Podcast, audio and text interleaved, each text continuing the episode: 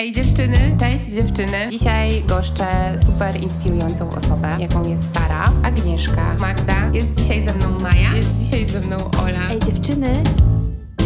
Ej dziewczyny. Cześć. Ile razy mówiliście nie wracam sam, nie wracam sama, a ile razy się Wam zdarzyło jednak samotnie przemierzać drogę do domu. W tym odcinku porozmawiałam z założycielkami Fundacji Zaginieni, która niedawno stworzyła kampanię Nie wracam sam, nie wracam sama, a na co dzień zajmuje się poszukiwaniem osób zaginionych na terenie całej Polski i za granicą. Moimi gościniami są Nina Jaszewska, prezeska fundacji, fundacji dziennikarka oraz Iga Oreofa, wiceprezeska fundacji i dziennikarka śledcza. Cześć dziewczyny. Cześć. Dziewczyny, ja nie byłabym byłabym sobą, gdybym nie zaczynała od początku, bo zawsze, e, kiedy podchodzę do różnych tematów, e, ciekawi mnie e, geneza. Dlatego chciałabym zacząć od takiego pytania, jak powstała w ogóle Fundacja Zaginieni? Mm, wiesz co, Fundacja Zaginieni powstała właściwie w wyniku naszych znaczy nie, nie właściwie, na pewno w wyniku naszych wspólnych starań, w wyniku ogromu pracy, którą włożyłyśmy w to, żeby właściwie, wiesz, nie tylko powstała, no bo coś może się pojawić, a w żaden sposób nie funkcjonować, ale też w to, żeby od momentu wystartowania, a nawet przed, była takim miejscem bogatym w treści, działania, no i przede wszystkim wartościowych ludzi niosących pomoc. No i to nam się udało to nam się, to się nam niesamowicie udało. Jesteśmy z tego bardzo dumne, że od samego początku istnienia fundacji. Jest to miejsce pełne, pełne wspaniałych ludzi, pełnych pasji, ale też, ale też wartościowych, wartościowych projektów. Także jeszcze przed zarejestrowaniem fundacji miałyśmy zespół gotowy do działania i mhm. masę pomysłów. Czyli ta decyzja była ostatnią formalnością, żeby założyć fundację. Już to gdzieś tam funkcjonowało wcześniej, wasze działania. E, wiesz co, tak, tak, tak, bo no, jeśli chodzi o same początki, to my poznałyśmy się pracując przy zaginięciach. E, Iga pracowała dłużej, ja krócej, ale poznałyśmy się przy tych zaginięciach e, pracując w ramach takiej inicjatywy oddolnej w sposób nieformalny. E, no i myślę, że, że Iga to potwierdzi, że polubiłyśmy tak bardzo ze sobą pracować, że dalsza tak. współpraca, że dalsza współpraca była dla nas czymś naturalnym i, e, i obie marzyłyśmy o fundacji, e, obie, obie chciałyśmy to sformalizować, bo też trzeba przyznać, że praca przy zaginięciach sformalizowana, a praca przy zaginięciach nieformalna to są zupełnie dwie różne kwestie, a, a liczba możliwości i, i ich zakres w momencie, kiedy stałyśmy się fundacją, um, wzrósł niesamowicie. Więc to, to miałyśmy w perspektywie i to było, myślę, naszym motorem do działania. Tak, to takie, taka. Y, poczułyśmy się chyba w pewnym momencie zblokowane, że nie można robić więcej, że brakuje specjalistów, a problemy są poważne, prawda? Więc doszliśmy do wniosku, że jedynym wyjściem, jedynym wyjściem z sytuacji jest po prostu otworzenie fundacji, która się tym zajmie E, kompleksowo i w której będą pracowali tylko i wyłącznie specjaliści. Mhm. E, powiedziałaś Nina, że e, wasza, wasza jakby działalność na początku była taka oddolna, więc ciekawi mnie właśnie taka główna motywacja dla Was do działania. Skąd pomysł, żeby zająć się właśnie zaginięciami? Ja myślę, że u każdej z nas to trochę przebiegało inaczej, no bo to, to jest kwestia po pierwsze jakichś zainteresowań, po drugie predyspozycji. Jeśli chodzi o samą tematykę zaginić, to dla mnie była od, od bardzo wielu lat pasja, którą e, co prawda się tak od dawna aż nie zajmowałam, jak Iga, bo Iga się tym zajmuje już dobre pięć lat przeszło. Ja, ja, ja to robię od, powiedzmy e, tak, tak, e, żeby przy tym pracować od, od około roku. Natomiast jeszcze lata, lata przed bardzo się tym interesowałam, nawet, nawet sobie rozpisywałam poszczególne sprawy, poszczególnych zaginięć, prześledzałam, wiesz, internet i i, i, i sobie robiłam takie mapy, e, mapy informacji dotyczące poszczególnych spraw. Także tak, także to była zawsze moja ogromna pasja. W moim przypadku to tak wyglądało. Mhm. A Iga, w Twoim? U mnie kompletnie inaczej, kompletnie inaczej, bo ja zawsze mówię, że ja całkowicie inaczej planowałam swoją przyszłość, na pewno nie z zaginięciami.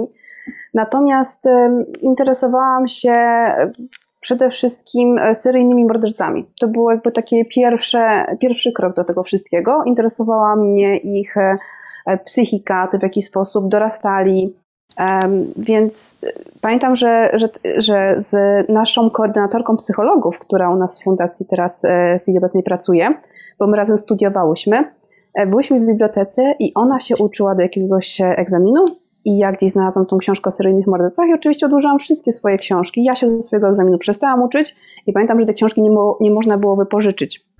Ja siedziałam w tej bibliotece do końca, żeby ją przeczytać.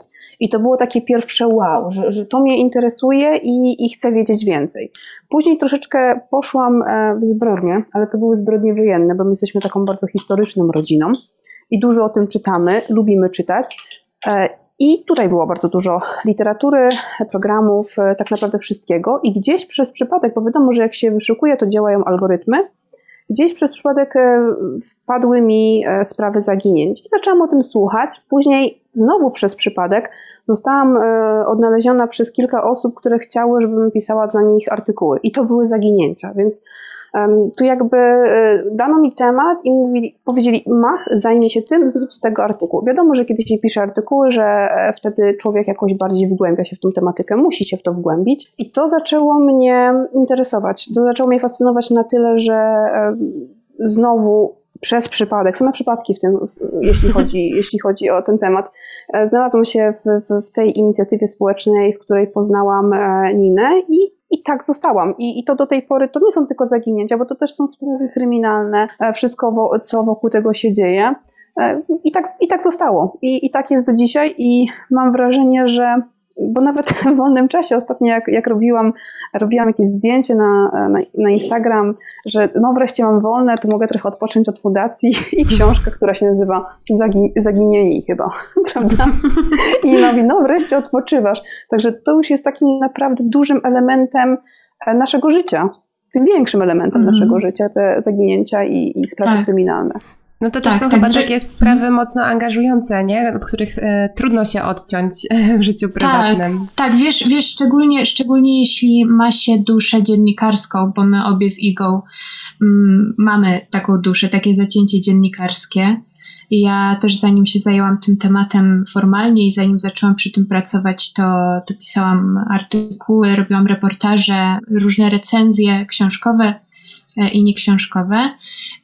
I myślę, że, że jeśli się dodatkowo do problemu zaginięć, do zajmowania się tym problemem dołoży e, właśnie takie podejście dziennikarskie, w naszym przypadku dziennikarstwa śledczego, bo my teraz prowadzimy dzienni też dziennikarskie śledztwa, mm, akurat w przypadku spraw kryminalnych, którymi się zajmujemy, to pomaga. Po pierwsze, to pomaga w rozwiązywaniu e, spraw, ponieważ, no jak wiadomo, jeśli ma się jakieś narzędzia i techniki wyrobione e, z dziennikarstwa, to dużo łatwiej zdobyć pewne informacje.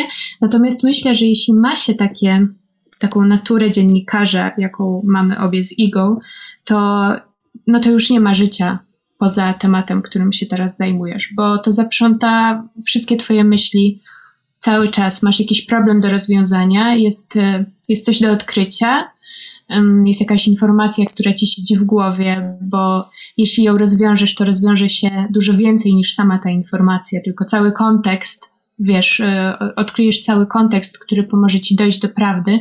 My cały czas, mam wrażenie, gonimy za prawdą i cała ta nasza praca jest gonieniem za prawdą, chociaż e, ja osobiście nie jestem zwolenniczką terminu prawda, bo kiedyś ktoś mądry powiedział, pamiętam jak przeprowadzałam wywiady, jeden z moich rozmówców, że w imię prawdy ginie najwięcej ludzi na świecie i to też jest, i to, i to też jest ta prawda, więc, więc, więc e, ale, ale może, w, może, może gonienie za faktami, po prostu za faktami, które, które pozwalają przynieść wytchnienie bliskim osób zaginionych. Mhm. Jesteśmy uzależnione, tak to można podsumować od tego.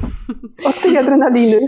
Dziewczyny, powiedziałyście też, że y, na początku to była, wasze działania były takie niesformalizowane, ale jak już założyłyście fundację, y, to jak wygląda wasza taka codzienna praca? Czym dokładnie y, każda z was się zajmuje na co dzień? O kurczę, tak w skrócie. tak w skrócie, bo wiesz, bo ja nie chcę też, żeby te, ten odcinek trwał 4 godziny, bo to może być mhm. problematyczne. No to no, Szczególnie... ten jest szalenie ciekawy dla mnie. Jeszcze nie, nawet nie doszłyśmy do takich najważniejszych wątków. Tak, ale tak. tak w skrócie dla słuchaczy, dla których e, no, tak. działalność jest obca. Jasne, szczególnie, że wiesz, no my też prowadzimy podcast, więc wiemy, jak ważne jest e, przechodzenie do sedna.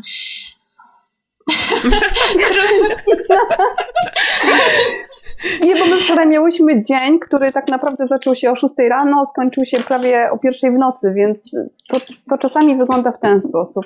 My przede wszystkim zajmujemy się jakby scalaniem wszystkich naszych działów, bo, bo fundacja ma swoje działy, e, w jedną całość, żeby to wszystko ze sobą współpracowało. Czyli tutaj mówimy o tym, że jest dział um, wsparcia psychologicznego, który oczywiście też ma swojego koordynatora i tam mamy e, około 16 e, osób. Jest dział prawny, później mamy dział redakcji, mamy dział bezpieczeństwa, nad którym teraz bardzo ciężko pracujemy, więc ja i Nina jesteśmy ogniwem spajającym te wszystkie działy.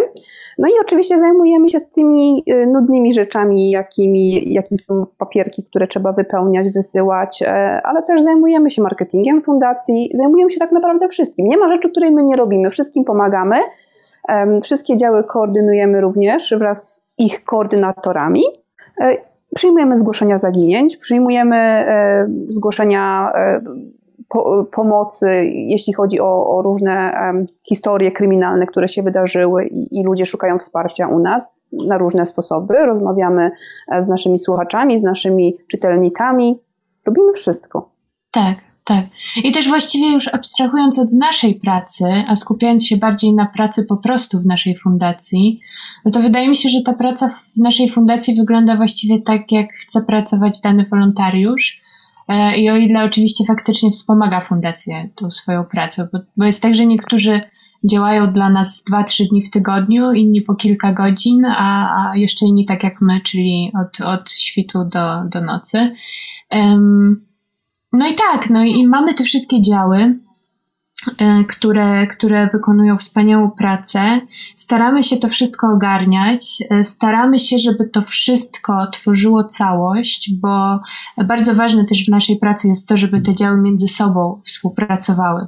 E, bo no to łatwo sobie wyobrazić, że w momencie, kiedy mamy zaginięcie, to współpraca pomiędzy psychologiem klinicznym, radcą prawnym, a a specjalistą do spraw bezpieczeństwa wewnętrznego, na przykład, który ma wiedzę odnośnie tego, jakie jest zagrożenie w danej sytuacji i, i czego możemy się spodziewać po, danym, po, po, danej, e, po tej sytuacji, czyli na przykład, kiedy mamy porwanie, co się zdarza bardzo rzadko, wbrew pozorom, zaginięcia to wcale nie są porwania, e, jeśli chodzi o statystyki, no, no to łatwo się domyślić, że to wszystko to jest kwestia współpracy. Mhm. E, właśnie przygotowując się też do naszego spotkania, e, przejrzałam Waszą stronę e, fundacjazaginieni.pl, gdzie można znaleźć treści edukacyjne. Tak jak też już wspominałyście, prowadzicie podcast, do którego zapraszacie ekspertów z zakresu właśnie czy działań kryminalnych, funkcjonariuszy policji, ekspertów od psychologii, ale ciekawi mnie też jakby ta opcja zgłaszania E, zaginięć, która funkcjonuje u Was na stronie, e, bo bym pomyślała sobie, że gdyby ktoś bliski zaginął, to pierwszą rzeczą, którą, gdzie bym szukała pomocy, byłaby policja. Mm, skąd jakby mm, też u Was taka jakby możliwość zgłoszenia właśnie zaginięcia? I bardzo dobrze, że byłaby to policja. Ja się bardzo cieszę. Cieszy mnie e, ta odpowiedź Twoja bo są ludzie, którzy na przykład e, pierwszej pomocy szukają u wróżek, więc e, jak najbardziej policja, faktycznie. Policja, e, żeby w ogóle zgłosić zaginięcie do nas, do naszej bazy i żeby uzyskać pomoc od naszej fundacji, trzeba zgłosić zaginięcie na policję. To jest po prostu, to trzeba zrobić. Nie ma mhm, innego jest to wyjścia. Wymóg. Mhm. Jest to wymóg, oczywiście, jak najbardziej. I wtedy można się zgłosić do fundacji. Mm, u nas zgłasza się zaginięcia po to, żebyśmy mogli szukać, prawda? Na chwilę obecną jesteśmy, e, pracujemy nad działem bezpieczeństwa, który miejmy nadzieję, że już całkiem niedługo będzie zdolny do tego, żeby wyjść w teren i poszukiwać osoby zaginione, jeśli będziemy mieli alert. Natomiast na chwilę obecną zajmujemy się kolportażem zdjęć. Mamy też współpracę, powiedzmy bardziej porozumienia z grupami poszukiwawczymi, więc my jako fundacja, przyjmując zaginięcie, możemy pomóc rodzinie na różne sposoby. Przede wszystkim pokierować, co powinno się robić, a czego nie powinno się robić. To oczywiście wszystko zależy od zaginięcia, bo są różnego rodzaju zaginięcia. Od osób starszych, które wyszły e, i po prostu zgubiły drogę do domu, po nastolatków, którzy uciekają. Więc to wszystko zależy od tego, kto zaginie. Wtedy my też się kontaktujemy z naszymi specjalistami. To nie jest tak, że my wszystko wiemy. My bardzo często musimy się skontaktować z osobą, która wie, co w danej e, sytuacji zrobić, w danym przypadku. I wtedy tak. prowadzimy rodzinę przez tą drogę, e, co powinno się zrobić najpierw, prawda? Żeby ktoś nagle się nie znalazł u jakiegoś jasnowidza, e, zamiast, nie wiem, no, szukać w terenie i skontaktować się z grupą poszukiwawczą. Tak, ja myślę, że też to, co jest ważne, to to, że my współpracujemy z prywatnymi detektywami, którzy mają też obszerną wiedzę na ten temat. Mm, natomiast tak jak Iga powiedziała, są, są różne poziomy zaginięć, bo teraz nomenklatura zmieniła się z kategorii na poziom jeśli chodzi o, o nomenklaturę policyjną. Są różne, są trzy właściwie poziomy zaginięć i w zależności od tego, który to jest poziom, to znaczy do którego zostało to zaginięcie zakwalifikowane, policja podejmuje odpowiednie kroki. My mamy trochę inną definicję poziomu pierwszego, czyli tego najbardziej interwencyjnego, bardziej rozbudowaną, bardziej szczegółową, po to, żeby łatwiej było nam działać, bo ta definicja policyjna um, umieszczona w zarządzeniu komendanta głównego policji jest dość e, dość mm, skąpa, natomiast to też jest w porządku, ale, ale nasza, nasza definicja jest e, wewnętrzną definicją um, i, e, i po prostu zdarza się tak, że zaginięcie zostanie zakwalifikowane przez policję do poziomu trzeciego, czyli do poziomu, wobec którego podejmuje się najmniej, najmniej kroków, jeśli chodzi o działania policji. A mogłabyś powiedzieć, jakie są te trzy poziomy? Tak, jasne. Wiesz co, jeśli chodzi o, o, mm, o definicje policyjne, to, to pierwszy poziom to są osoby, e, których e, okoliczności zaginięcia, mm, powiedzmy, no, no wskazują na to, że na, mm, na popełnienie na jej szkodę przestępstwa przeciwko życiu, zdrowiu lub wolności, e, czyli ten taki naj, najostrzejszy poziom. Są to też osoby wymagające stałej opieki, schorowane, ze względu na wiek, ale także osoby poniżej 15 roku życia, osoby małoletnie, które zaginęły po raz pierwszy. Poziom drugi to, to, to z tego, co pamiętam w nomenklaturze policyjnej, bo my już się bardziej swoimi kategoriami po, posługujemy. Natomiast jeśli chodzi o policyjne definicje, to poziom drugi um, to, jest, to jest taki poziom, że osoba zaginiona można twierdzić, że zaginęła dobrowolnie, czyli na przykład zabrała ze sobą wszystkie rzeczy, albo na przykład opowiadała bliskim, że ja chcę zmienić życie, ja chcę, chcę, chcę, chcę dokonać jakichś zmian w moim życiu, czy chcę wyjechać. Nie Albo też tak. takie przesłanki, że ta osoba, że jej życie jest zagrożone. Tak. Dokładnie, dokładnie tak. E, natomiast poziom trzeci to, jest, e, to są osoby małoletnie, które powiedzmy oddalają się po raz kolejny, są zaginione po raz kolejny, z wyjątkiem sytuacji, które pomimo tego, że one po raz kolejny e, się oddalają, no to faktycznie istnieją e, przesłanki do zakwalifikowania ich do poziomu pierwszego, czyli, czyli e, zagrożenie życia, zdrowia, wolności. No ale też poziom trzeci dotyczy osób pełnoletnich, które powiedzmy oddalają się z placówek typu szpital psychiatryczny, DPS, no i oczywiście w tym przypadku też z wyłączeniem tych sytuacji kwalifikowanych do pierwszego poziomu. Mailując z Wami, ustalając troszeczkę y, tematykę dzisiejszego odcinka, y, wskazałyście też bardzo ciekawy, ciekawe stwierdzenie, że istnieje coś takiego jak ciemna liczba zabójstw. Czy możecie wyjaśnić w ogóle y, to określenie? Ciemna liczba zabójstw obejmuje wszystkie te zdarzenia, których nie odnotowała policyjna statystyka. I często zdarza się tak, że ta ciemna liczba zabójstw kryje się w zaginięciach. I tutaj mówimy o zaginięciach długoterminowych, na przykład, bo wiadomo, że może też się kryć w tych takich zaginięciach, które się dzieją teraz. Ale w tych, najczęściej w tych zaginięciach długoterminowych, kiedy osoba jest zaginiona 20-25 lat i nie wiemy, co się z nią stało, może się wydarzyć tak, że, że doszło do, do morderstwa. Ta osoba po prostu e, nie żyje, a figuruje jako osoba zaginiona. My jeszcze sobie z Niną e, wyłożyłyśmy twierdzenie takie, że jest jeszcze ciemna strona samobójstw, że dana osoba, która jest osobą zaginioną, mogła popełnić samobójstwo. I tutaj też należy przyjąć, pamiętać o tym, że w momencie, kiedy odnajduje się ciało, i już po 20 latach to już nawet nie jest, nie jest ciało, to są szczątki, bardzo trudno jest stwierdzić, czy to była ciemna liczba zabójstw, czy samobójstw, prawda?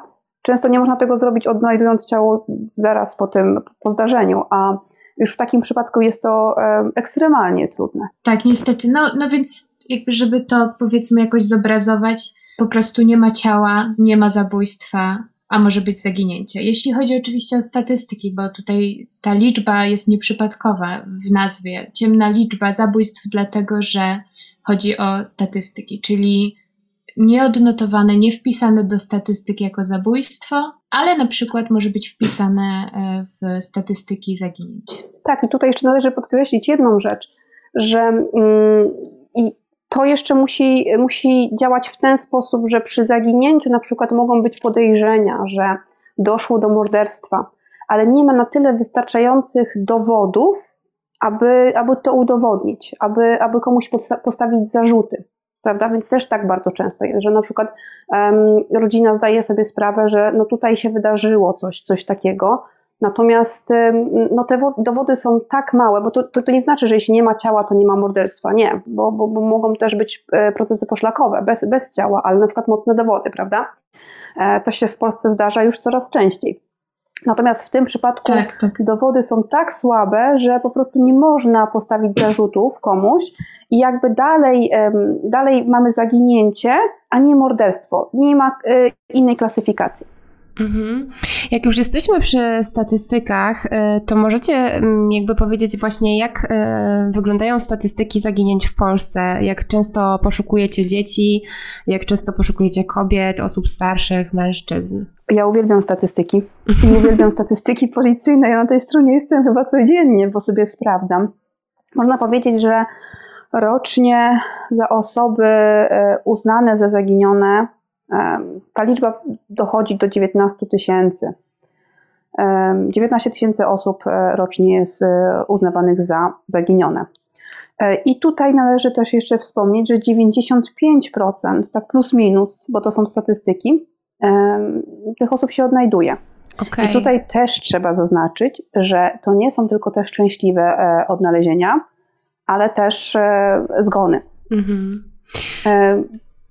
E, właśnie chciałam e, też powiedzieć o tym, że u nas w Polsce jest dosyć taka, e, bardzo często się zdarza, że właśnie zaginięcia są dosyć takim głośnym tematem w mediach i kiedy są jakieś takie bardzo mm, no, dramatyczne, bym powiedziała, okoliczności tych zaginięć, to zazwyczaj wokół tego tworzy się taka burza medialna.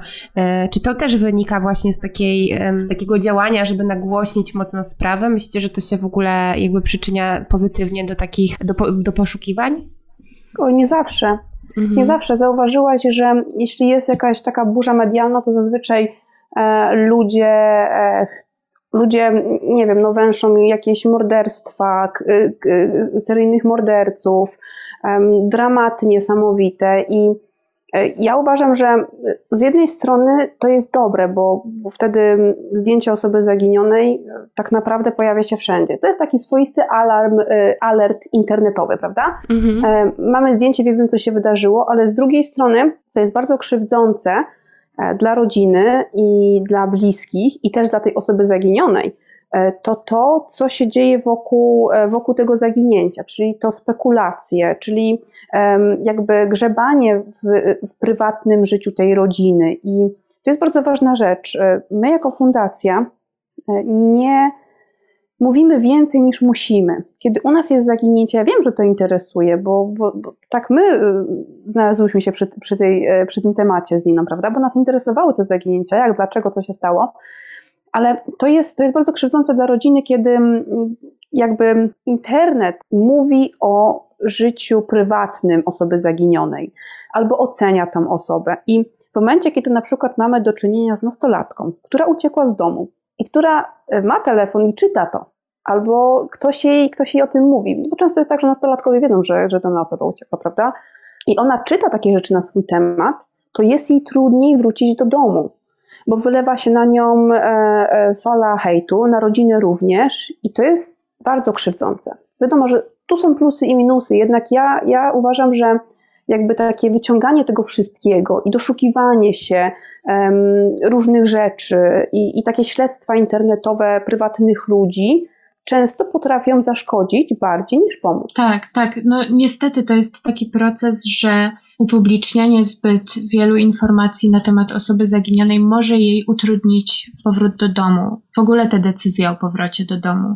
Bo jeśli mamy nastolatkę, nastolatka, osobę nastoletnią, która stoi przed decyzją wrócić, przyznać się, że nie wiem, popełniłem błąd, albo że ktoś inny popełnił błąd, w wyniku którego ja po prostu musiałem, musiałam odejść, a ma wybór zostać i tułać się dalej, e, a widzi, że w internecie są hejty, jakieś informacje, wywlekanie jego życia prywatnego e, przed, przed tysiącami ludzi.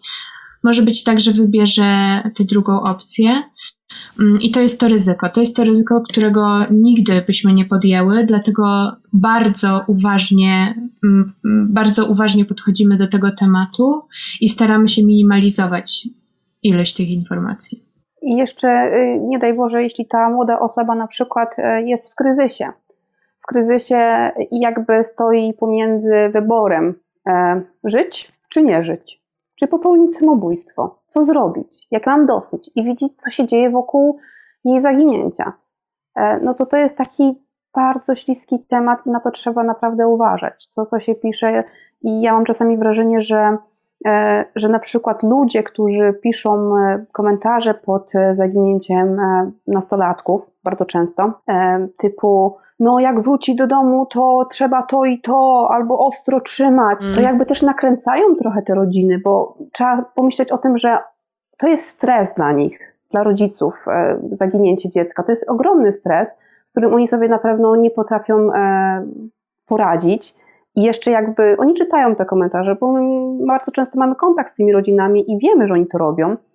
I to jakby ich bardziej nakręca. I, i tak jakby ta fala, taka, taka spirala nienawiści, i się nakręca, i w momencie, kiedy to dziecko wraca do domu, to zamiast o tym problemie um, porozmawiać i go rozwiązać, no to często można dać upust emocjom, prawda? Mhm. Więc ważne też jest jakby, nasza fundacja pełni też fajną rolę w tych odnalezieniach, w jaki sposób rozmawiać ze swoim dzieckiem, e, które znalazło się powiedzmy po, po tygodniu czy po, po dwóch dniach. Jak zareagować, żeby to się więcej nie powtórzyło i żeby ten problem rozwiązać.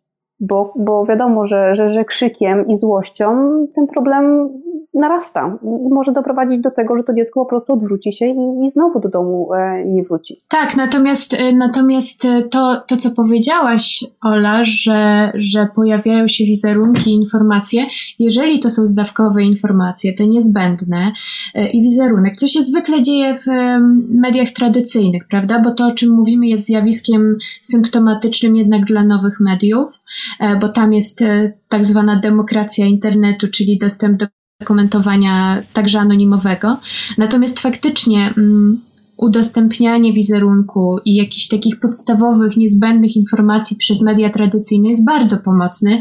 Między innymi na tym polega Child Alert, czyli taki system nagłaśniania zaginięcia osoby małoletniej e, w mediach masowych i tradycyjnych. Czasami to też przechodzi na, na, na takie powiadomienia SMS-owe. E, także tak, to, to akurat zjawisko, jeśli się ogranicza do niezbędnych informacji, jest bardzo korzystne.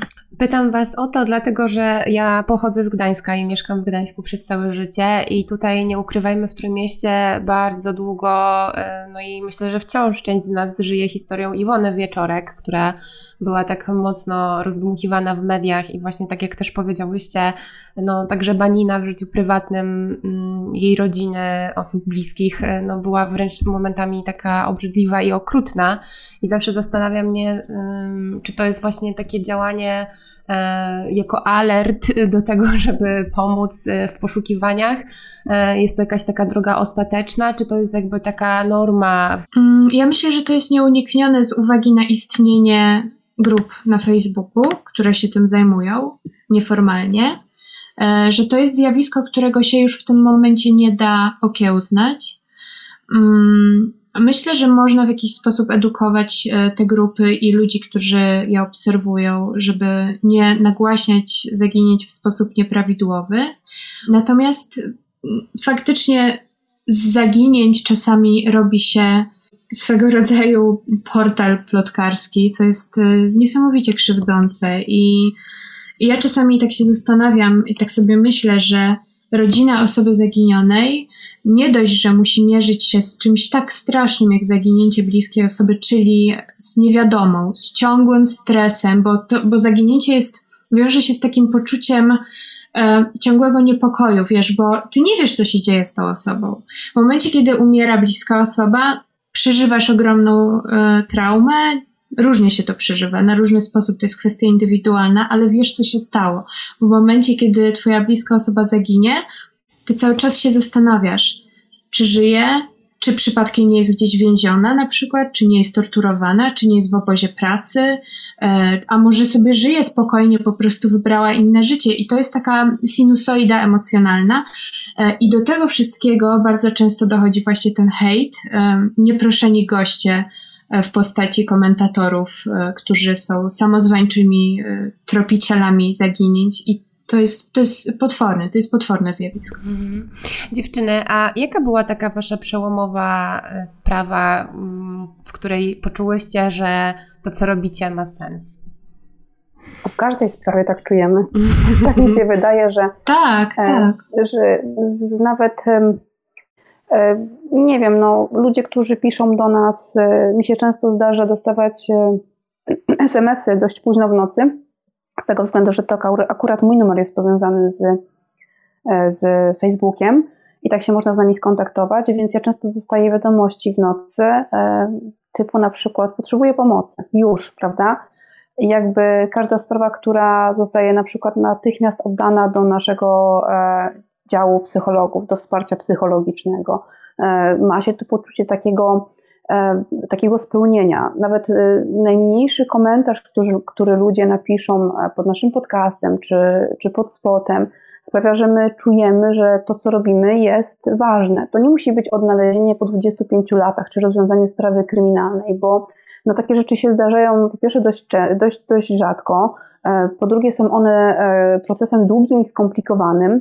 E, po trzecie, ja bym bardzo chciała też, że, żeby na przykład policja mogła się pochwalić z tym. A po czwarte, to jest też jakby e, praca wielu osób. To nie jest tak na przykład, że akurat, e, nie wiem, no, Fundacja Zaginieni puściła powiedzmy jakiś krótki film o osobie zaginionej i dzięki temu to się, ta osoba się odnalazła. Nie, bo to jest jakby współpraca na wielu płaszczyznach, prawda?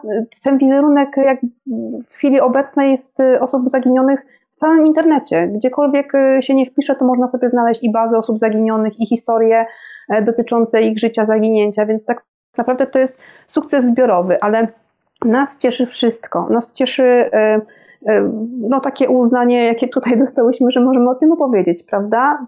My czujemy każdego dnia, że ta praca jest naprawdę wartościowa i potrzebna dla ludzi, bo, bo to nie są tylko zaginięcia, ale to jest też um, prewencja i, i to jest też jakby docieranie do młodych, e, młodych osób, co daje nam naprawdę dużo, dużo satysfakcji. E, robienie świetnych spotów, robienie podcastów, więc jakby wszystko, co wychodzi spod naszej fundacji, jest takim ziarnem, który pada na żyzną glebę i z tego się coś dobrego rodzi.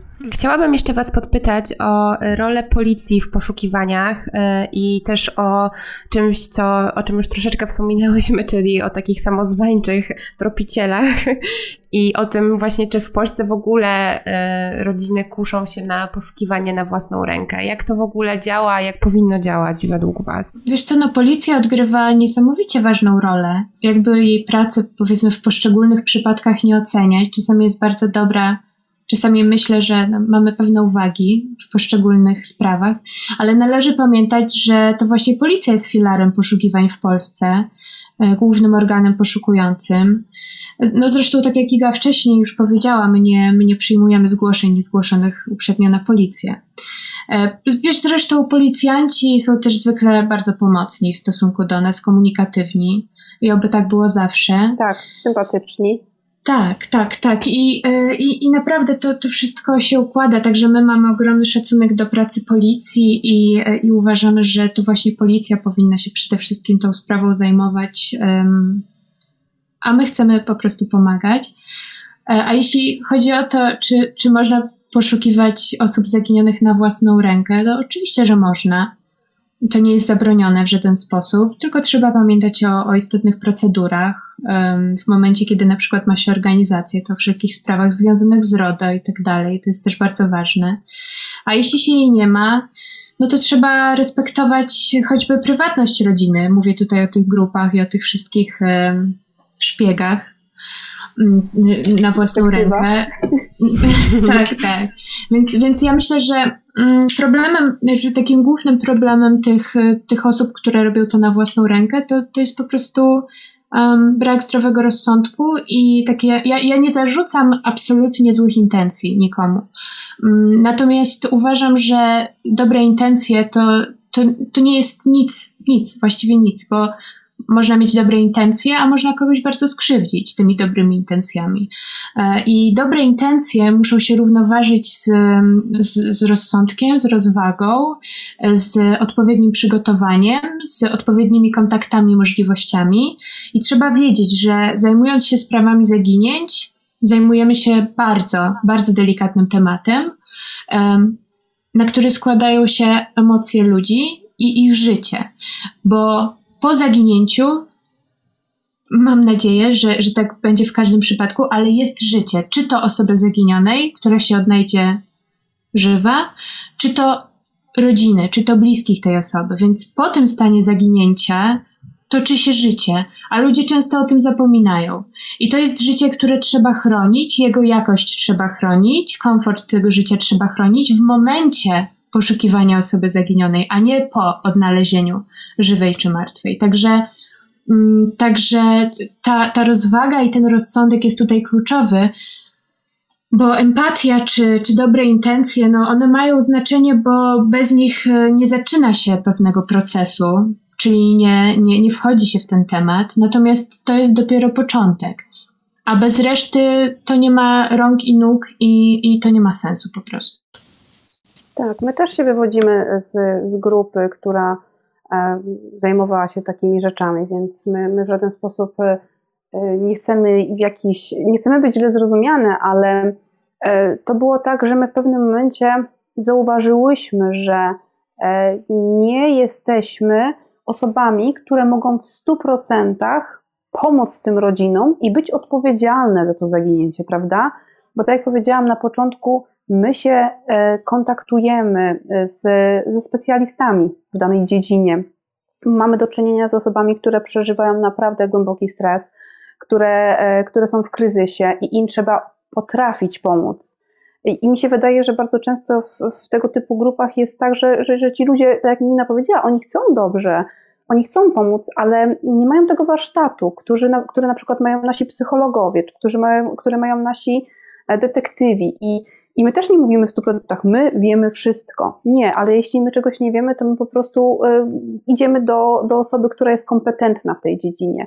I tutaj policja, zauważyłam, że odkąd jesteśmy fundacją, y, to policja traktuje nas jakby jak takiego y, dobrego duszka z tyłu, za plecami, e, który jest pomocny, który nie przeszkadza, ale który może im w jakikolwiek sposób pomóc. Oni, oni nas tak traktują i E, i my się wzajemnie słuchamy, oni słuchają nas, co mamy do powiedzenia i, i my słuchamy ich, co oni mają do powiedzenia, to jest współpraca i to jest fajna współpraca, bo do tej pory rozmawiałyśmy e, już e, z wieloma policjantami w sprawach zaginięć i powiem szczerze, że jesteśmy super traktowane, naprawdę to jest, to jest bardzo miłe.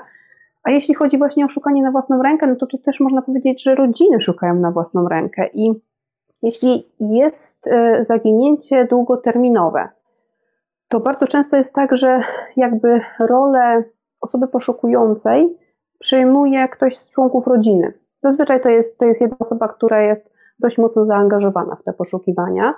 I tu też jest bardzo ważne, żeby ta rodzina trafiła w dobre miejsce, bo, bo jeśli ta rodzina trafi na przykład na wróżkę, która potrafi ich naciągnąć na niesamowite sumy pieniędzy, i takie historie są też znane, no to to jest nieszczęście kolejne dla tej rodziny, prawda? Te długi, które, które zostały zaciągnięte. Jeśli rodzina trafi na przykład na detektywa, który, który też może ich skrzywdzić, to to jest kolejne nieszczęście. U nas są te rodziny na tyle bezpieczne, że, że my, u nas nie ma żadnych kosztów, prawda? I, i jakby patrzymy na to takim e, chłodnym umysłem, e, co, co jest dobre, a co jest złe, no bo jednak już, już w tym temacie dosyć długo jesteśmy i możemy te rodziny nakierować na tą dobrą drogę, żeby jakby nie pogłębiać tego już e, ich złego stanu, bo, bo bardzo często zdarza się tak, że no, te osoby są, tak jak Nina wcześniej mówiła, to jest jakby wieczny, wieczny kryzys, w którym przez chwilę gdzieś tam zaświeci słońce i, i ktoś zacznie żyć normalnie swoim życiem, ale zaraz wraca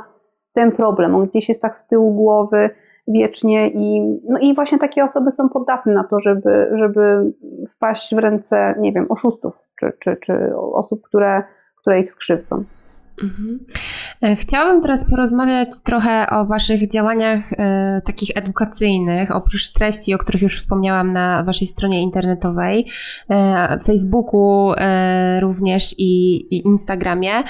Ostatnio wypuściłyście spot reklamowy. Możecie opowiedzieć o jego idei? Tak, to jest ten spot jest właściwie elementem kampanii społecznej. Nie wracam sam, nie wracam sama. Jakby, jakby tak sprowadzić tę ideę do jednego zdania. No, zaginięcia podczas samotnych powrotów do domu to realny problem. Zresztą nie tylko zaginięcia, ale inne tragedie, wypadki, napady. No, my to po prostu zauważyłyśmy, odnotowałyśmy i postanowiłyśmy stworzyć na bazie tego problemu akcję społeczną. Bardzo nas dotknęła sytuacja zaginięcia um, jednego chłopaka. E, to było jakiś czas temu, on wracał z imprezy e, i, e, no i nagle zaginął. Później odnalazł się w wodzie.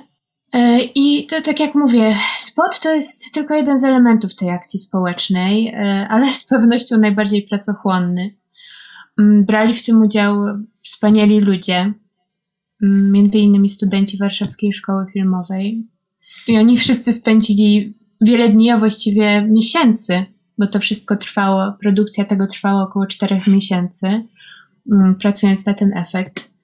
Także to jest spot, który przedstawia historię głównego bohatera Bartka, który siedzi sobie na imprezie e, na domówce mm, i postanawia wrócić do domu. Czuje się zmęczony, czuje się trochę kiepsko, w dodatku pisze do niego dziewczyna, kiedy tam będziesz. E, I on już chce ją zobaczyć, więc wychodzi. Jego przyjaciele pytają go, czy go nie odprowadzić.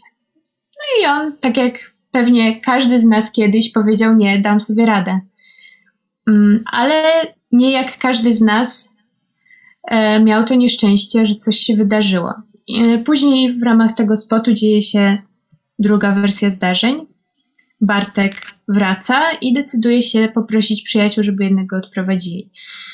Mm, no i to jest, wiesz co, my starałyśmy się, żeby ten spot był jak najbardziej uniwersalny, żeby w żaden sposób nie wskazywał na to, co mogło się stać głównemu bohaterowi, żeby ta problematyka niebezpieczeństwa była otwarta i żeby nie sugerowała ani winy głównego bohatera, bo absolutnie nie o to nam chodziło, żeby wskazywać, że popełniasz błąd i jesteś winny, że ci się coś stało, bo nie poprosiłeś przyjaciół, żeby cię odprowadzili. Absolutnie nie.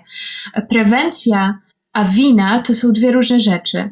Mm, wyrobienie w sobie praktyk bezpieczeństwa po to, żeby się nie stresować, bo wyrabianie w sobie praktyk nie służy tylko temu, żeby być bezpiecznym, ale też służy temu, żeby być bezpiecznym, nie myśląc o tym i nie stresując się i nie wróżąc sobie e, cały czas niebezpieczeństwa, bo praktyki wyrobione to jest coś, co może nas ochronić, przy okazji e, zapobiegając czarnym myślom, które mogą doprowadzić do jakichś złych stanów psychicznych, no bo umówmy się, ciągłe wróżenie sobie złego scenariusza i ciągłe zastanawianie się, Boże, coś mi się stanie, Boże, ktoś mnie napadnie, to też nie jest zdrowe. Natomiast nam chodzi o wyrobienie w sobie pewnych praktyk, czyli nie wracam sam. Jeśli mam tę możliwość, to nie wracam sam. Teraz też jest dużo opcji e, takich, które można gdzieś udostępnić swoim znajomym lokalizację, kiedy jak już się wraca ewentualnie samemu do domu. można, można. Tak. Można tak samo wracając na przykład taksówką, jeśli jesteśmy tak. w jakimś niebezpiecznym terenie albo na, na niebezpiecznym terenie, albo nie mamy innej opcji, tylko po prostu chcemy zamówić tę taksę i, albo jest zimno, to zawsze możemy udostępnić lokalizację z taksówki, bo tak naprawdę żaden środek bezpieczeństwa, ani gaz, ani paralizator, ani powrót taksówką, nic z tego nie zapewni nam 100%, jakby stuprocentowego bezpieczeństwa, mm -hmm. prawda? E, I najlepiej jest te środki bezpieczeństwa łączyć. To prawda. Tak, ale tu też warto dodać, że to nie jest też tak, że jakby mm, kiedy my wychodzimy wieczorem, to nagle czai się na nas stu seryjnych morderców, gwałcicieli bo ja zauważyłam, że też e, w taki, najczęściej w taki sposób ten spot był odbierany, że, że tak, tutaj tak. ktoś kogoś porwał, naszego głównego bohatera, nasz główny bohater został porwany -hmm, na mhm, organy, tak. czy do obozu pracy. Mhm. Ale należy pamiętać o tym, tutaj ja mam wrażenie zawsze, że ja zaczynam się robić nudna, ale należy pamiętać o tym, że mm, najczęściej dochodzi do wypadków, takich nieszczęśliwych wypadków. Tu Nina Wspomniała o chłopaku, który, którego znaleziono w, w rzece. Nie wiemy z jakiego powodu, on po prostu wskoczył. E, I to wiemy z kamer. E, był chłopak, który e, pod wpływem alkoholu przewrócił się, uderzył się w głowę i, i, i też zmarł. Była, było jedno zdarzenie, w którym osoba zamarzła na przystanku. To oprócz tego, że, że nas ktoś napadnie, może zdarzyć się milion różnych innych zdarzeń, które Dokładnie. mogą zagrażać naszemu zdrowiu i życiu, więc tu też należy o tym pamiętać. I spot jest, on jest rewelacyjny, bo on jest y, uniwersalny. On nie mówi tylko o ludziach, którzy wracają z imprezy. On mówi też o dzieciakach, którzy, które gdzieś tam grają w piłkę wieczorami i, i wracają same. Czy, czy mówi też o tym, żeby przemyśleć, w jaki najbezpieczniejszy sposób mogę wrócić z pracy w nocy, prawda? Bo u nas można, na naszej stronie jest dostępny artykuł, który został napisany przez naszego detektywa, który zajmuje się bezpieczeństwem e, i jak bezpiecznie wrócić do domu. I tam jest kilka rad, więc warto sobie to też przeczytać i pomyśleć nad tym, bo, bo to, nie musi być, e, to nie musi być ktoś, kto nas napadnie. To może być zwykły wypadek. Tak, tak. I tak też zbudowałyśmy tę postać Bartka e, i, jego, i jego historię, żeby nie pokazywać żadnej oczywistej wersji wydarzeń, to jest otwarty temat, to jest otwarta historia. Mhm. Chciałabym, żebyście teraz e, opowiedziały trochę o swoim podcaście. Skąd wziął się pomysł, gdzie go możemy znaleźć i e, jak macie zamiar rozwijać też tę formę? Pomysł wziął się z kuchni, z mojej kuchni. Ja pamiętam, bo e, tutaj e, zawsze o tym wspominamy, że ten podcast Halo Fundacja to jest taka nasza, nasza przyjemność, nasz relaks E, nasze spełnianie się w roli dziennikarzy, bo jednak prowadzenie fundacji to jest, e, to jest robienie wszystkiego, jak powiedziałyśmy. To jest papierologia, to są rzeczy, które są e, mniej i bardziej ekscytujące. Ale tu, żeby nie zapomnieć o tej sferze dziennikarstwa, powstał właśnie podcast Halo Fundacja. I to jest po prostu nasze takie dziecko, które my chciałbyśmy więcej nagrywać, chciałbyśmy bardziej to wszystko pielęgnować. Niestety jest tak dużo obowiązków, że, że, że to ciężko wszystko połączyć, ale on wychodzi regularnie co dwa tygodnie, w piątek o godzinie 20. W chwili obecnej jesteśmy dostępne jedynie na YouTube. E, planujemy w przyszłości e, trochę rozszerzyć platformy. E, I to jest podcast, to są telefony do fundacji od różnych osób. I tutaj tak naprawdę mówimy o wielu rzeczach, bo rozmawiamy z policjantami, e, rozmawiamy z ratownikami medycznymi, lekarzami, e, rozmawiamy z osobami, które doświadczyły przemocy, e, z DDA, z osobami, które chorują na depresję. I skupiamy się na człowieku. Dajemy mu możliwość wygadania się. U nas można mówić, ile się chce, jak długo się chce. Rozmawiamy o takiej sferze, która jest gdzieś tam głęboko w nas. Nas nie interesują suche fakty, chociaż czasami fajnie jest posłuchać historii, zwłaszcza, e, zwłaszcza od policjantów. Natomiast skupiamy się na tym, w jaki sposób oni swoją pracę przepracowywali w głowie, jak to na nich wpływało, jak wpływa na nas praca, która jest bardzo stresująca, praca, w której jest dużo śmierci, jak wpłynęło na, na naszych bohaterów dzieciństwo, które było bardzo ciężkie, czasami tak ekstremalne, że e, ja dostawałam wiadomości, że to jest po prostu niemożliwe, to co, to, co nasi bohaterowie e, podcastu opowiadają, a to się wydarzyło. E, więc tutaj jest tak naprawdę cały wachlarz emocji, cały wachlarz osobowości e, i to jest piękne. Mi się wydaje, że to jest tak różnorodne i tak różne ciekawe historie można posłuchać, że nawet moja mama, która no zdecydowanie preferuje książki czy, czy jakiś serial, ona się zakochała w podcastach dzięki Halo Fundacja. Super. Tak, tak. Ja też dostaję takie, takie informacje od członków mojej rodziny, którzy, którzy nie byli zaprzyjaźnieni z podcastami, że teraz to jest, e, to jest ich rozrywka, ich mhm. rodzaj rozrywki.